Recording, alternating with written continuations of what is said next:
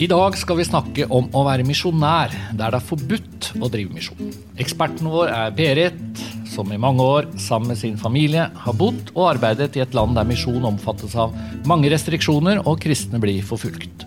Og generalen skal komme en helt fersk rapport fra Indonesia, landet i verden med flest muslimer. Velkommen til podkasten Ottosen og generalen.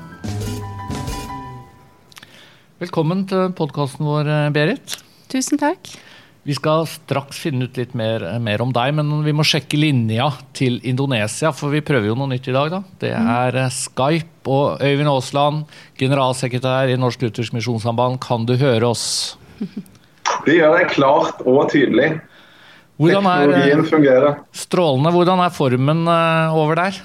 Det går rykter om altså, Basse, eh, akkurat nå, Det hører jo med til en god tur sånn som det her å ha litt magetrøbbel underveis. og sånn, og Det er jo for så vidt midt oppi nå, uten at vi trenger å gå noe mer i detalj om det. Men ellers er det en strålende tur, altså. Med flott land å besøke.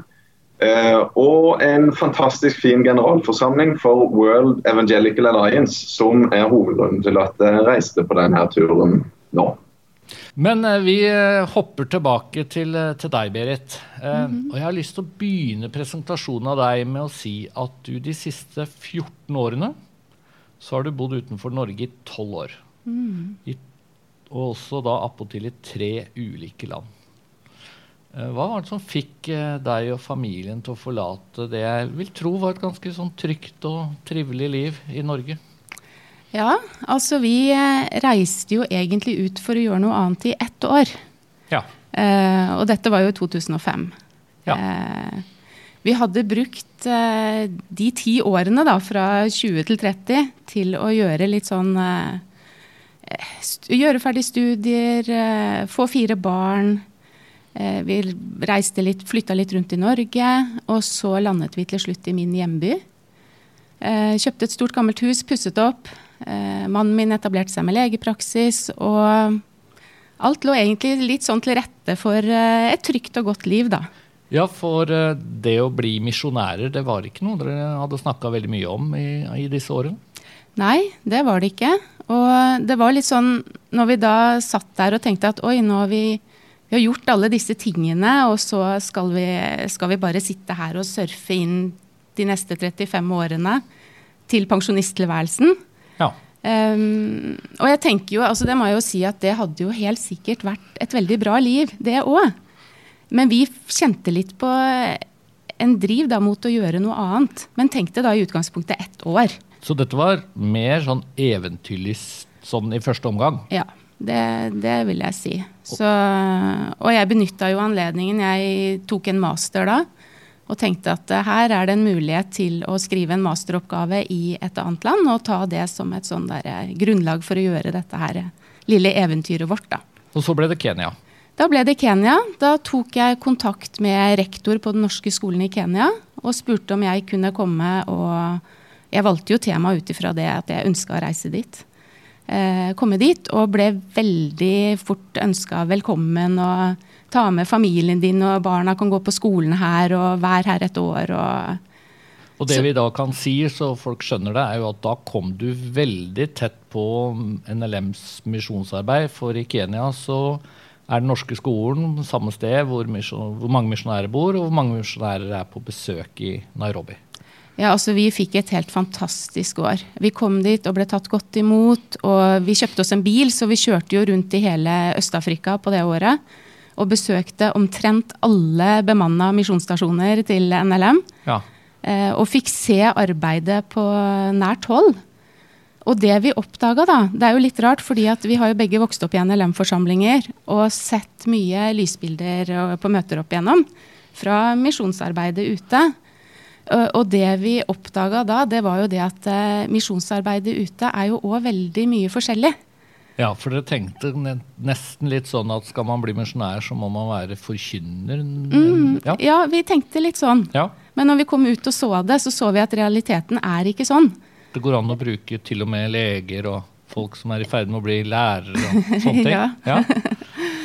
så, så når vi dro hjem etter det ene året i Kenya, så var vi veldig sikre på at nå drar vi hjem for å nærmest selge det vi eier, og så returnere til Øst-Afrika.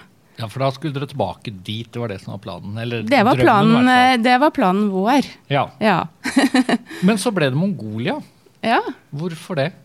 Ja, nei, Det er litt interessant, fordi vi ikke, hadde ikke vært veldig lenge hjemme før mannen min da, eh, oppdaget det at NLM eh, søkte en lege til å lede et helseprosjekt. Mm som da gikk ut på å videreutdanne leger i Vest-Mongolia. Ja. ja. Og han tente veldig på det. Det var en oppgave han så på som veldig spennende, og som han kunne tenke seg. Så han presenterte jo dette her for meg, da. Ja. Mens jeg var litt sånn i palmesus og sol og varme og sånn. Så For det er litt forskjell på Kenya og Mongolia? Det er jo det. Ja. det. Eh, og med en gang, når dette ble lansert hjemme i stua vår, så eh, tenkte jeg. jo det at uff, Mongolia, det er kaldt, er det ikke det? Altså jeg klarte å plassere det på kartet, i hvert fall. du har jo hatt mange år i Kenya, Øyvind. Eh, hvis du hadde fått beskjed rett før dere dro om dere heller kunne ta Mongolia, hadde du liksom tatt det med fatning? jeg håper jo det, men nei, Kenya er et fantastisk land. Og uh, Vi kom jo faktisk hjem da i 2005, det året Berit og familien kom ut. så vi rakk ikke å få være sammen der. Men eh, det er en utrolig fin og fascinerende historie som Berit forteller. Og det illustrerer jo at uh, veien inn til misjonærtjeneste kan jo være ulik for folk. Og det er jo noe av det jeg syns er så fint med det som Berit forteller. At det illustrerer en måte som kanskje ikke er så vanlig, men det er kjempeflott å, å høre på. Vi tenker jo litt det nå at vi gjorde Teft familie en del år før Teft familie ble en realitet. Ja, mm. ja for nå det jo, har det jo vært sånn faktisk for flere at de har vært på Teft mm. familie, vært i Nairobi med hele familien i tre måneder, og så er det jo flere som har eh, mm. reist ut som utsendinger etterpå. Mm. Men hvordan var det da i Mongolia å komme dit med, med fire barn og starte i det livet dere begynte der? Altså vi vi syns vi var veldig modige da, som sa ja til en treårskontrakt i Mongolia. Um, og kom dit og opplevde det at Mongolia er et godt sted å være det òg. Mm. Uh, og, og, vi kjente jo det at der var det bruk for oss. Vi fikk spennende arbeidsoppgaver begge to etter hvert. Uh, jeg fikk jobbe i det vi kaller sosialprosjektet, mens da mannen min jobba i helseprosjektet. Og Barna stortrivdes på skolen. Eh, hverdagen eh, rulla. Ja. ja. Og dere savnet ikke altfor mye den kenyanske varme? Nei. Nei. Eh, nei. For det er kaldt i Mongolia, det er ikke til å legge skjul på det? Det er det. Det er en lang vinter som er kald. Ja. Eh, men så er det jo mye positivt med landet òg. Det er fritt og åpent, du kan reise mye på tur. Eh, du lærer deg å sette pris på eh, gråtoner og bruntoner, og se at det er noe vakkert i det òg. Ja. ja. Men så var dere altså der en god stund. Uh, mange år? Fem år ble det. Fem år. Ja. Og så gikk dere rett over i misjonærtjeneste i et såkalt sensitivt land. Ja.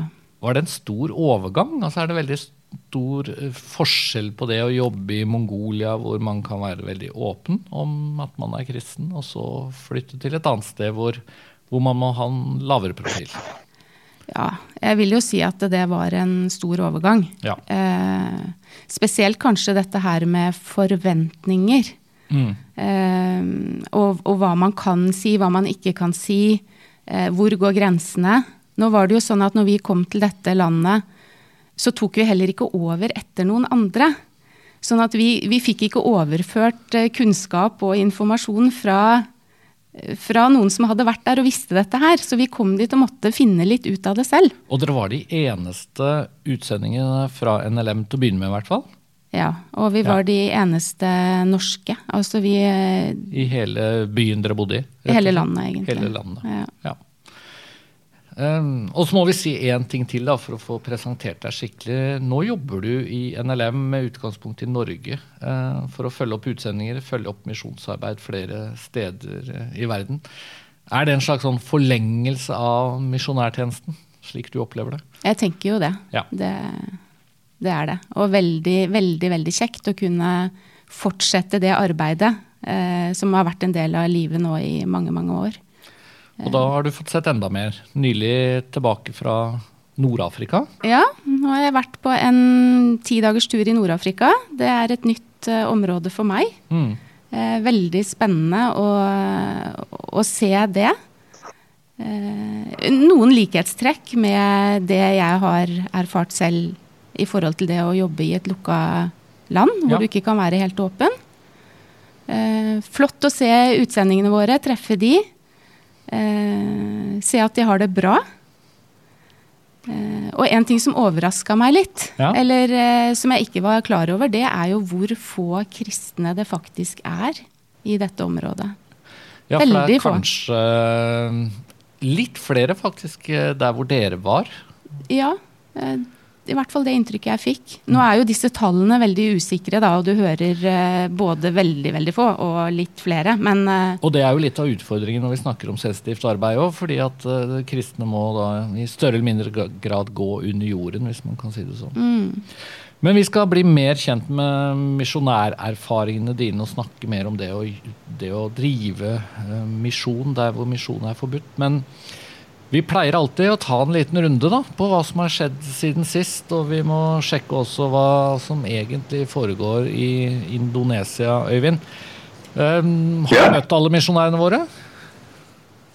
Har det vært en del av jobben eh, nå? Ja, vi begynte jo turen med å stikke innom noen av dem. Ja. Et par familier som vi fikk uh, møte, som er en del av det sensitive arbeidet det òg. Men det var en uh, kjempeopplevelse å treffe deg, høre litt om hvordan hverdagslivet fungerer og uh, alle mulige spennende mennesker de treffer. Og store muligheter i uh, arbeidet generelt, og, en del utfordringer, selvfølgelig. Så det var det, det, er jo viktig for meg da, tenker jeg, å få møte noen av utsendingene våre og få litt sånn førstehåndskjennskap til hvordan de driver det. Så det var sier, interessant. Men du sier at det er sensitivt arbeid. Eh, kan ikke du si litt mer om det? For eh, Indonesia er jo egentlig et litt sånn blandingsland når det gjelder hvor sensitivt det er, egentlig? Ja, Indonesia er jo et uh, spennende land på den måten der. Og det er jo Det er jo fullt lovlig å være kristen her, og det er mange kristne, og de har det i sitt pass at de er kristne. Der står det hvilken religion du tilhører. så det, det, er lov, det. Problemet er hvis du vil skifte uh, religion, da. Ja. Fra å være muslim til å bli kristen. Da er det alle mulige slags uh, byråkratiske problemer og de relasjonelle problemene da, med familie og venner og, og alt det der. Og Majoriteten her er jo virkelig muslimer. Som du sa, det er jo det landet i verden med, med flest muslimer. Ja, det betyr vel at det er jeg tror det er over 200 millioner. Så det er jo litt av tall, og litt av land med tanke på størrelse. Stemmer det. Og vi jobber i ei relativt lita folkegruppe i et lite et avgrensa område med sånn ca. 3,5 million mennesker. Og, og, det er nok regna for et av de områdene der det er, der det er aller tøffest. og konvertere fra islam til kristen tro. Ja. Og Det er jo en av grunnene til at vi havna der òg, at vi, vi, visste det. Og her er det virkelig behov for uh, å forkynne evangeliet, sånn som vi ser det. da. For Indonesia er vel også et land hvor det finnes egentlig ganske store kirker og store områder hvor, eh, hvor det er mange kristne, og så er det steder hvor uh, vi gjerne vil snakke om at de minst nådde bor. Ja, nå befinner vi jo i Jakarta, hovedstaden i Indonesia, som ligger på øya Java. Er jo, Indonesia er jo tusenvis av øyer, og Java er jo en av de store. Da. Og i, i, den byen som jeg er i nå, så, så er det i, i Stor-Jakarta så er det borti 30 millioner mennesker. Det er et av verdens aller største byområder. Så turen fra flyplass til hotell og konferansested tok eh, tre timer. Eh, en tur som uten kø ville tatt i underkant av én. Så her er det mye trafikk og mye mennesker. Du er jo ganske bereist, uh, Berit. Har du vært i Indonesia noen gang? Ja, det har jeg faktisk. Og sett på misjonsarbeid, eller sånn, eh, mer sånn ferie? Det var eh, en ferie Ja. på Bali. Ja. Surfa litt på Bali, vet du. Det, det hørtes eh, fint ut, det. Det var veldig fint. Jo, jeg har vært der på kurs en gang òg, faktisk. Ja. Også på Bali. Men du nevnte, Berit, Nord-Afrika. eh, At du akkurat hadde vært der. Eh, Hva syns du var, var mest flott med å besøke misjonærene vi har i Nord-Afrika, som jo er det ferskeste misjonslandet vi har i, i NLM? Jeg syns det var veldig flott å se at de eh, har kommet seg så godt på plass. Mm. At de har en hverdag som de trives i. Og ikke minst at barna, vi har jo familier der med barn, eh, at de har kommet godt i gang på skole og i sin hverdag. Eh, det tenker jeg er et viktig grunnlag. Absolutt. Og det er vel litt slik at hovedarbeidet i, i Nord-Afrika, som det er i veldig mange sensitive land, det handler vel også om å rett og slett bli kjent med mennesker. Og da må man jo få til en hverdag for å kunne bli oppfatta som noe annet enn turister som bare er på gjennomreise. Mm. Det er. Men du Espen, er det lov å bryte inn her fra Indonesia, eller? Ja ja, det er vanskelig å stoppe deg når du sitter så langt borte. Ja, det er det. Og siden sist så eh, er det noen som har fortalt meg at du har vært ganske travel, eh, du òg. Og det det har vel litt sammenheng med det som vi snakka om på en episode av podkasten vår. Homoterapi er vel et viktig stikkord. Nå får du oppdatere meg litt på hva det er du driver på med.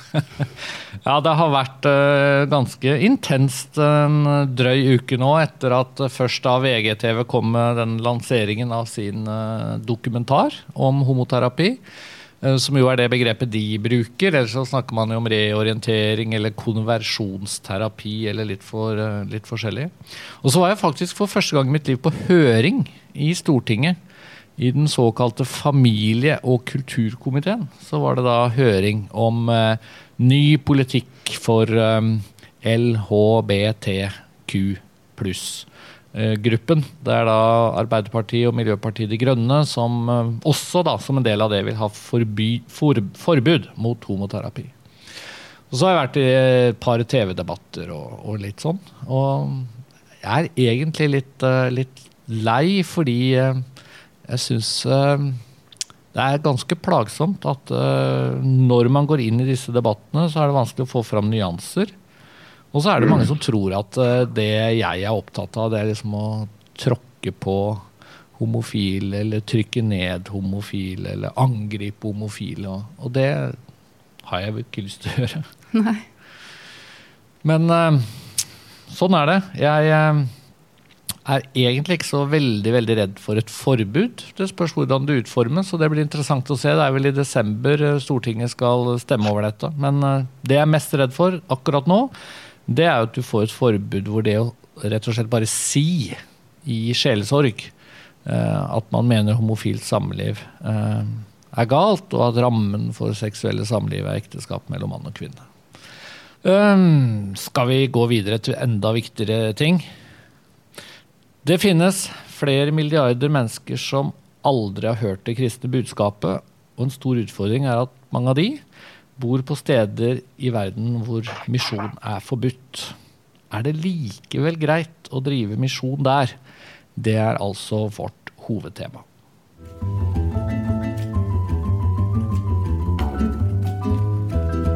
Dette har du tenkt gjennom, Berit, for du har jo tenkt at du var misjonær nettopp i et sånt land hvor det egentlig ikke er lov å drive misjon. Eh, hvorfor tenkte du at det, det var greit å, å reise?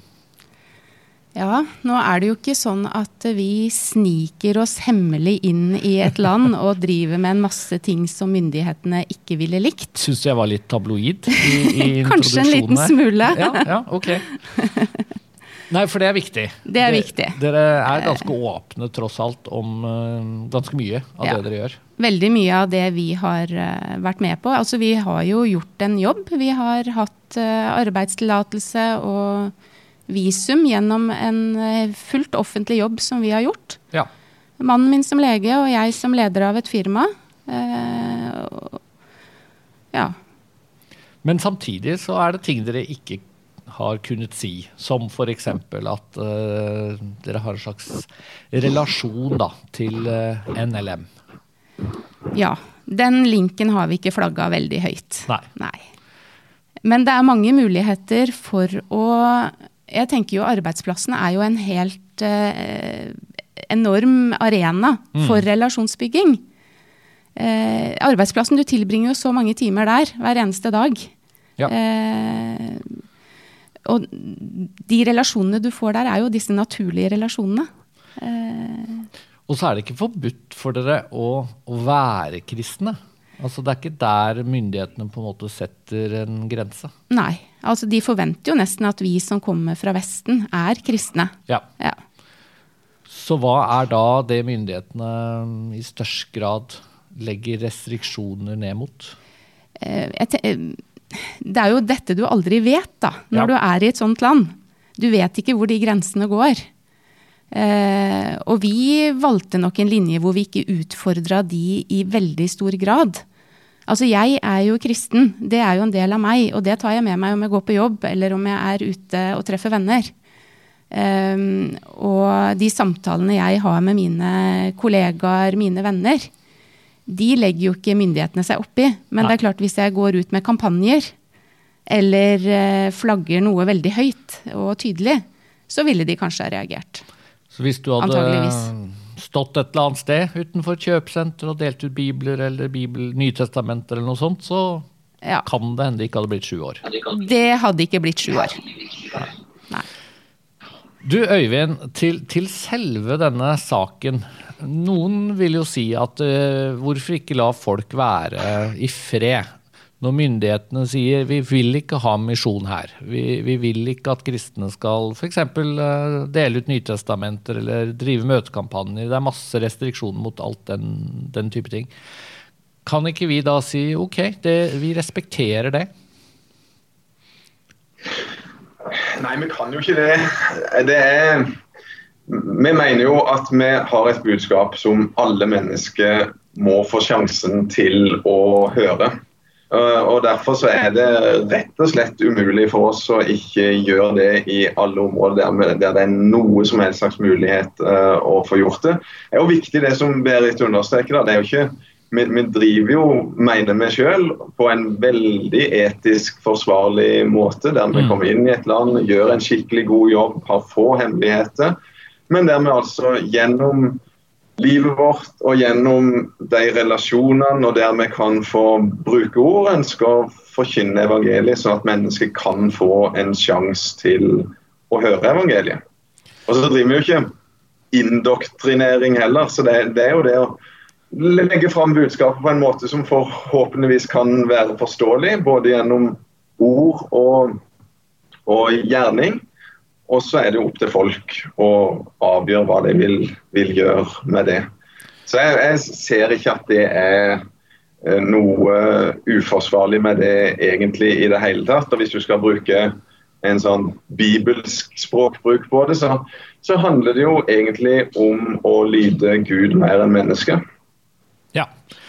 Og hvis vi bruker noe helt annet enn en bibelsk eh, begrunnelse, så kan vi jo si at det handler om religionsfrihet. Og det er en menneskerettighet. Så når land i verden eh, rett og slett eh, prøver å hindre alle former for misjon, for det er jo noen som gjør det, så er det jo ingen tvil om at de bryter menneskerettighetene.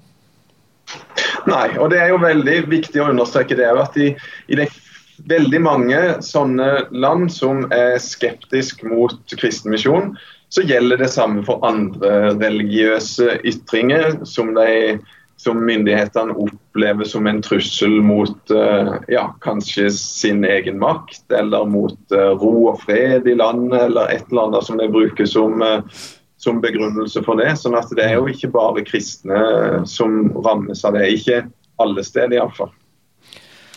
Eh, jeg har forresten tatt med meg et eh, ganske ferskt nummer av Utsyn. Jeg holder det til og med opp sånn, så de som ser på, på denne podkasten, kan eh, få det med seg.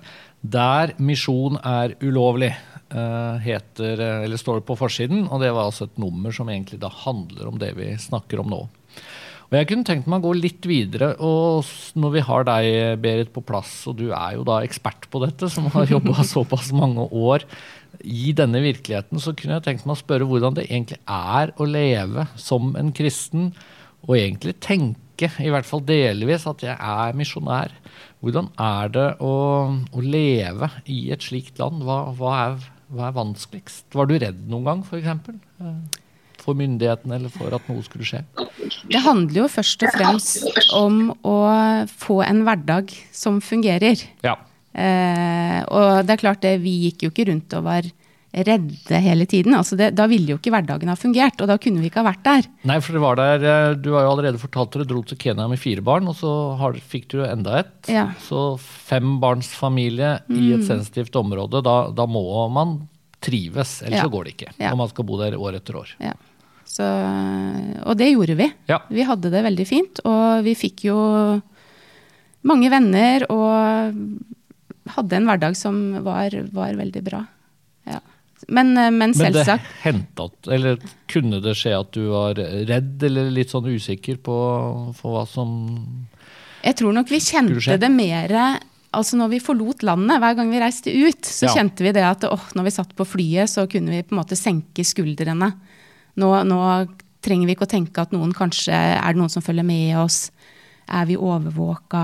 Hvorfor er den personen alltid der? Eller altså sånne ting som vi egentlig ikke tenkte over i hverdagen.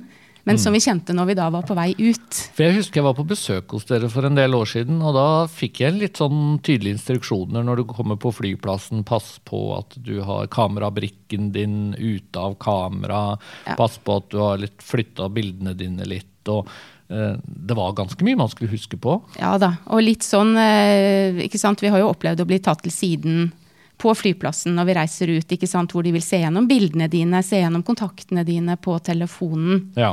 Vi har hatt politiet på døra for å se på eh, om vi har pass og oppholdstillatelse og alt dette i orden. Sånn at du går hele tiden og, og vet at noen følger med. Mm. Eh, og, det, og, det, er sånn det er. Det er kulturen òg litt, egentlig. At de skal vite mest mulig om alle som bor i ethvert nabolag.